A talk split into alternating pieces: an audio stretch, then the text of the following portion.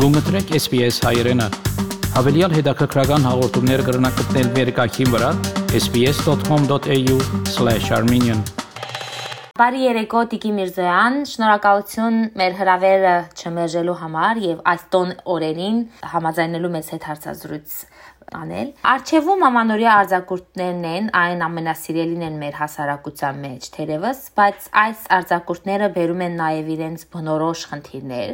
Մենք շատ հաճախ սխալ ենք սնվում, ֆիզիկապես շատ ենք հոգնում եւ հաճախ արձակուրդից վերադառնում ենք ֆիզիկապես եւ հոգեպես ավելի հոգնած։ Կարող եք մեր ռադիոլսողներին Կարող եք մեր ռադիոլսողների հետ կիսվել ձեր մասնագիտական խորհուրդներով, թե ինչպես կարելի է կանխել վերը նշվածները։ Բարև ձեզ Արմինե, ես էլ եմ ուրախ մասնակցել ձեր եթերին։ Խորհուրդների առումով ասեմ, որ ամանորին հիմնականում ավելանում է լարվածությունը, քանի որ պետք է հասցնել շատ բաներ անել, նվերներ գնել եւ հանկարծ չմոռանալ որևէ մեկին, մտածել արդյոք ինչ դուր կգա, ինչեւ տարվա վերջ հասցնել կատարել բոլոր կիսատ մնացած գործերը, առևտուր անել, աման անորի սեղանին, բազմապիսի ուտեստների համար։ Կանայք փորձում են հասցնել մաքրել ամբողջ տունը մինչև ամանով եւ այլն։ Ու հենց այս բոլորը վերում է նրան, որ եւ ֆիզիկապես եւ հոգեպես շատ են հոգ։ Դրա համար խորհուրդ եմ տալիս առաջին հերթին սահմանեք ձեզ համար, որ ամանորը դա տոն է, ուրախություն, զվարճանք,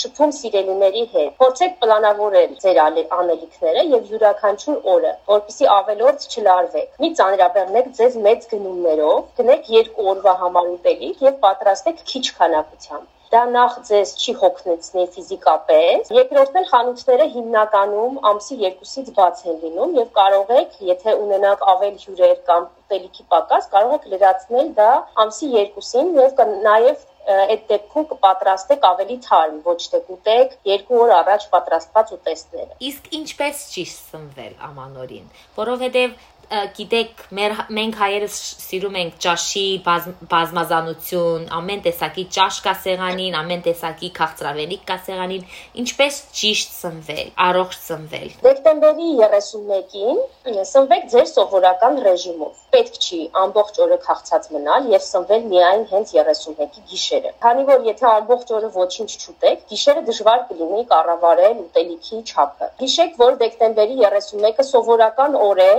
երեկոյան միայն տոնական ընթրիքով, այսինքն պլանավորեք այնպես, որ ընթրիքը միայն պետք է լինի տոնական։ Ամանորյա ընթրիքը ժամը միշտ խորհուրդ եմ տալիս դնել ժամը 19-ից 20-ի սահմաններում եւ այդ ժամի համար պատրաստեք մեկ ամանորյա ավանդական որևէ ճաշատեսակ ամբողջ ընտանիքի համար։ Իսկ կեսգիշերին ամանորյա կարող եք դիմավորել միայն շամպայնով եւ մրգով։ Եվ այս դեպքում արդեն ընտրել չեք անի գիշերը։ Հաջորդող օրերին աշխատեք սնվել նույն ձեր ռեժիմով, որով որ սնվել եք, որpիսի հյուր գնալիս եք։ Ոչ շատ քաղցած լինեք, որովհետև եթե քաղցած գնացիք հյուր, ինչ հյուրասիրեն դուք փորձելու եք եւ ստացվելու է որ ավելի շատ պետք քան որ դուք հիմնականում ուտում եք եւ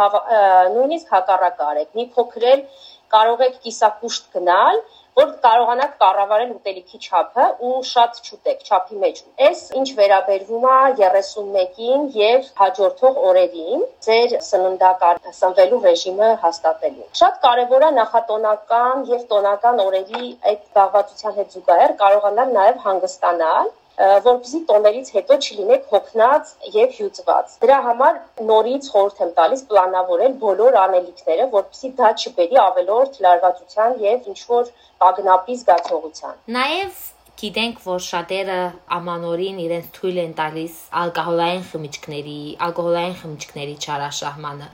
Մի քանի խոսք կարող եք ասել նաև դրա մասին, ինչին կարող է հանգեցնել շփազանց շատ ալկոհոլ օգտագործելը։ Ալկոհոլը առաջնահերթ շատ վտանգավոր է այն վտանգավոր է այն մարդկանց համար, ովքեր ունեն տարբեր տեսակի քրոնիկական հիվանդություններ, շաքարային դիաբետ կամ զարգերակային հիպերտենզիա, բարձր ճնշում։ Այս դեպքում Մենք պետքա սահմանափակենք ալկոհոլի քանակությունը ելնելով նրանից, որ դա կարող է վատթարացնել վիճակը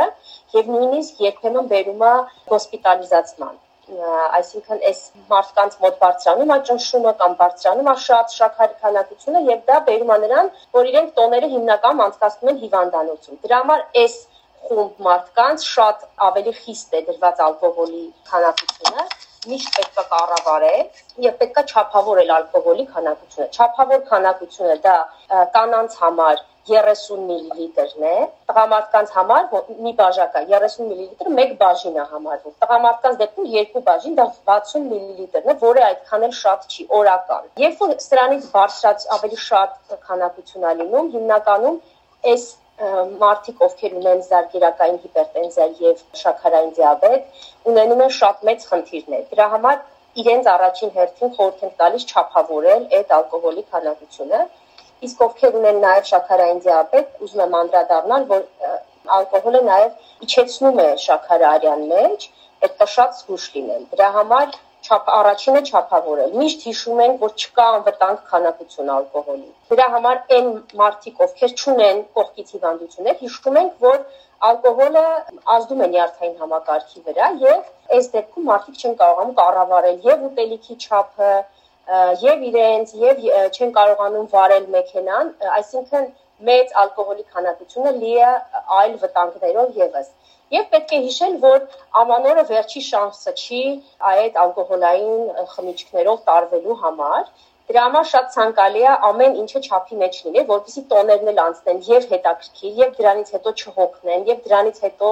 ստիպված չլինեն 1-2 շաբաթ այդ վերականգնման փուլը անցնել, որպեսզի տոները ինքնին իրենցով բերեն ուրախություն, այլ ոչ թե կողքից ինչ որ այլ եւ առողջական եւ ոչ առողջական խնդիրներ։ Եվ Ձեզ համար նախընտրելի ճաշացանկը նոր տարվա ինչ է։ Հայկական տոնական սեղաններին հիմնականում սպիտակուցների պակաս չի զգացվում, որովհետև գերակշռում են մսային ուտեստները։ Խնդիրները հիմնականում բանջարեղենների հետ է, քանի որ չկան բանջարեղենային ուտեստներ։ Դրա համար խորհուրդ եմ տալիս այդ մսային ուտեստների հետ զուգահեռ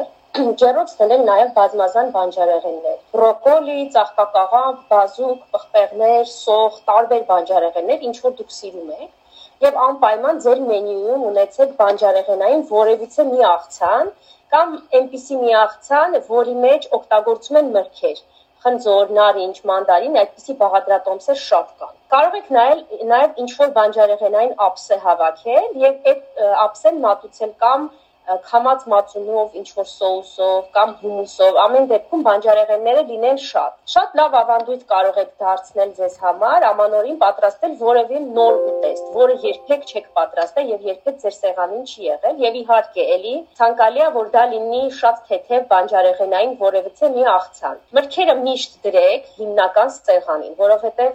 շատ հաճախ մրգերը միշտ լինում են առանձին ինչ որ մի փոքրիկ սեղանի վրա դրված եւ միշտ մատուցում են վերջում։ Դրա համար մրգերը միշտ այն գլխից ոնց որ դրեք սեղանի վրա։ Պատրաստեք մի տեսակ միայն խմորեղեն, ոչ թե բազմապիսի, մի տեսակի ու քիչ քանակությամբ եւ կտրատեք շատ փոքրիկ կտորներով, որpիսի եթե նույնիսկ օգտվում են այդ խմորեղենի քանակությունը մեծ չլինի, որովհետեւ կան տներ, որտեղ որ շատ ընդունված է ինչ որ մի խմորեղեն, որտեղ շատ լավ են սարքում այդ խմորեղենը, բոլորը գնում են այդ խմորեղենը ուտելու։ Երբ որ իր կտորները լինում է փոքր, դա թույլ է տալիս ինչ որ չափով կառավարել այդ քաղցրի քանակությունը։ Կոնֆետները փոխարինեք ինչ որ ճրերով եւ ընկուզեղենով, մի դրեք ընդհանրապես կոնֆետներ սեղանին եւ քաղցր հյութերի փոխարեն դրեք գրաֆինով ինչ որ ջուր, որի մեջ կարող եք ալվելացնել օրինակ նարինջ կտրատված եւ դա եւ հետաքրքիր համատալիս ջրին եւ տեսքը բավականին գեղեցիկ է ստացվում ամանորյա սեղանին։ Եվ խորհուրդ եմ տալիս շատ ժամանակ տրամադրել տոնական սեղանի զարդարանքին։ Ուսումնասիրեք, որ գույնն է տրենդային այս տարի, տոնական սեղանին ավելի շատ ուշադրություն դարձրեք գեղեցիկ ինչ-որ զարդարանքների, մոմեր, անձեռոցիկներ, ափսեներ, ոչ թե կենտրոնացեք միայն սեղանի վրա եւ հիշեք, որ ամանորը նախ եւ առաջ ընտանեկան տոն է։ Այդ պատճառով կենտրոնաց պետք է կենտրոնանալ սիրելի մարդկանց հետ լավ ժամանակ անցկացնելու վրա, այլ ոչ թե սեղանի պարունակությանը։ Տիկին Միրզոյան, շատ շնորհակալություն այս հարցազրույցի համար։ Այն բավական ուսուցանող էր կարծեմ մեր ռադիոլսողների համար։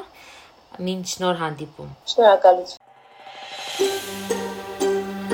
Կուզես լսել նման բանություններ, կընտրե Apple Podcast-ի Google Podcast-ի, Spotify-ի վրա, կամ որտեղեն որ podcast-ը դուք լսես։